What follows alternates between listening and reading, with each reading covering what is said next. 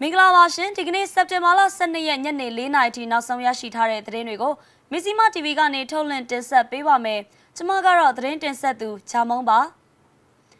မလေးရှားကိုသွားဖို့ကြိုးပမ်းတဲ့မြန်မာလုပ်သား14ယောက်ကိုထိုင်းရဲဖမ်းဆီးခဲ့ပါတယ်ဂန်ကောနယ်မှာတိုက်ပွဲပြင်းထန်နေပြီးစစ်ကောင်စီကနေအိမ်တွေကိုမီးရှို့ခဲ့ပါတယ်စိုက်ပျိုးရေးတက္ကသိုလ်ကျောင်းသားဟောင်းများကွန်ရက်က Global Myanmar Spring Revolution Campaign အတွက်အွန်လိုင်းကနေဆန္ဒထုတ်ဖော်ခဲ့ပါတယ်။ 9/11ဖြစ်ရက်220ပြည့်နှစ်ပတ်လည်အခမ်းအနားအမေရိကန်မှာကျင်းပခဲ့ပါတယ်။ဒီသတင်းတွေကိုတင်ဆက်ပေးပါမယ်ရှင်။မကွေးတိုင်းဒေသကြီးကံကောမြို့နယ်မှာစစ်ကောင်စီတပ်ဖွဲ့ဝင်တွေနဲ့ပြည်သူ့ကာကွယ်ရေးတပ်ဖွဲ့တို့ကြားတိုက်ပွဲပြင်းထန်နေပါတယ်။ဒီကနေ့မှာတော့စစ်ကောင်စီက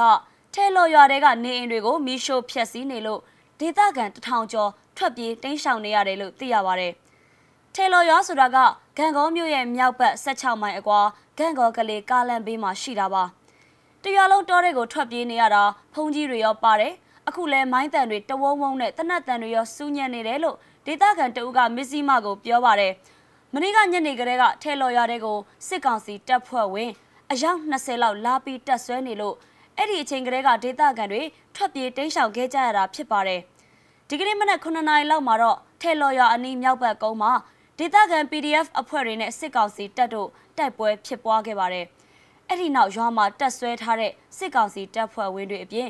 နောက်ထပ်စစ်ကောင်စီတပ်တွေပါရောက်လာပါတယ်။စစ်ကောင်စီတပ်တွေကနေအိမ်15လုံးလောက်ကိုမီးရှို့ဖျက်ဆီးခဲ့ပြီးရွာမှာတက်ဆွဲထားတယ်လို့လည်းဒေသခံတအူးရဲ့ပြောပြချက်အရသိရပါတယ်။ခံကောကလေးတဝိုက်ကရွာပေါင်း10ရွာနီးပါလဲစစ်ဘေးရှောင်နေရတယ်လို့သိရပါတယ်ရှင်။ မလေးရှားနိုင်ငံကိုတွားရောက်မဲ့မြန်မာနိုင်ငံသား14ဦးကိုမလေးရှားနိုင်ငံထိုင်းဘက်ချန်နယ်ဆက်မှာစက်တင်ဘာ17ရက်ကဖမ်းဆီးခဲ့ပါတယ်။မြန်မာရွှေ့ပြောင်းအလုပ်သမားနှစ်ဖွဲ့ဖမ်းခံခဲ့ရတာပါ။စက်တင်ဘာ17ရက်နေ့လယ်ပိုင်းက Rhine Talk ကျေးရွာမှာကားတစ်စီးကိုထိုင်းရဲတွေကတားပြီးစစ်ဆေးခဲ့ပါတယ်။အဲ့ဒီမှာပထမရွှေ့ပြောင်းအုပ်စုတစုဖမ်းခဲ့ရတာပါ။အဲ့ဒီကားထဲမှာတော့မြန်မာရွှေ့ပြောင်းလုပ်သား9ဦးလိုက်ပါလာတယ်လို့သိရပါတယ်။အမျိုးသား4ဦးနဲ့အမျိုးသမီး3ဦးပါ။ အဲ့တော့အပြင်မလေးရှားနဲ့ထိုင်းနယ်စပ်မှာအမျိုးသား9ဦးနဲ့အမျိုးသမီး2ဦးပါတဲ့မြန်မာရွှေ့ပြောင်းလုပ်သားအုပ်စုကိုလည်းထိုင်းအာဏာပိုင်တွေကထပ်ပြီးဖမ်းဆီးခဲ့ပါသေးတယ်။အဲ့ဒီရွှေ့ပြောင်းလုပ်သားတွေကနေဆက်ကိုဖျက်ကျော်ခေါ်ဆောင်ခံရဖို့စောင့်နေရင်ချုံပုတ်ထဲမှာပုံနေခဲ့တာလို့သိရပါတယ်။မြန်မာရွှေ့ပြောင်းလုပ်သမား14ဦးရဲ့ပြောပြချက်အရ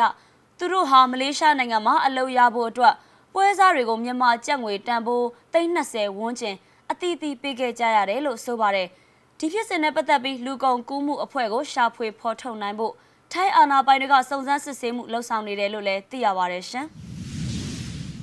96ကြိမ်မြောက်ကမ္ဘာကုလသမဂ္ဂအထွေထွေညီလာခံမှာအမျိုးသားညီညွတ်ရေးအစိုးရ NUG ဘက်ကမြန်မာတန်အမတ်ကြီးဦးကျော်မိုးထွန်းကိုစိုက်ပျိုးရေးចောင်းသားဟောင်းများကွန်ရက်အနေနဲ့ထောက်ခံတဲ့အကြောင်းမနေ့ကအွန်လိုင်းကတဆင့်ကျင်းပတဲ့ဆွေးနွေးပွဲမှာထုတ်ပြန်ခဲ့ပါတယ်။အဲ့ဒီဆွေးနွေးပွဲမှာတော့ အမျိုးသားညီညွတ်ရေးအစိုးရ NUG ကို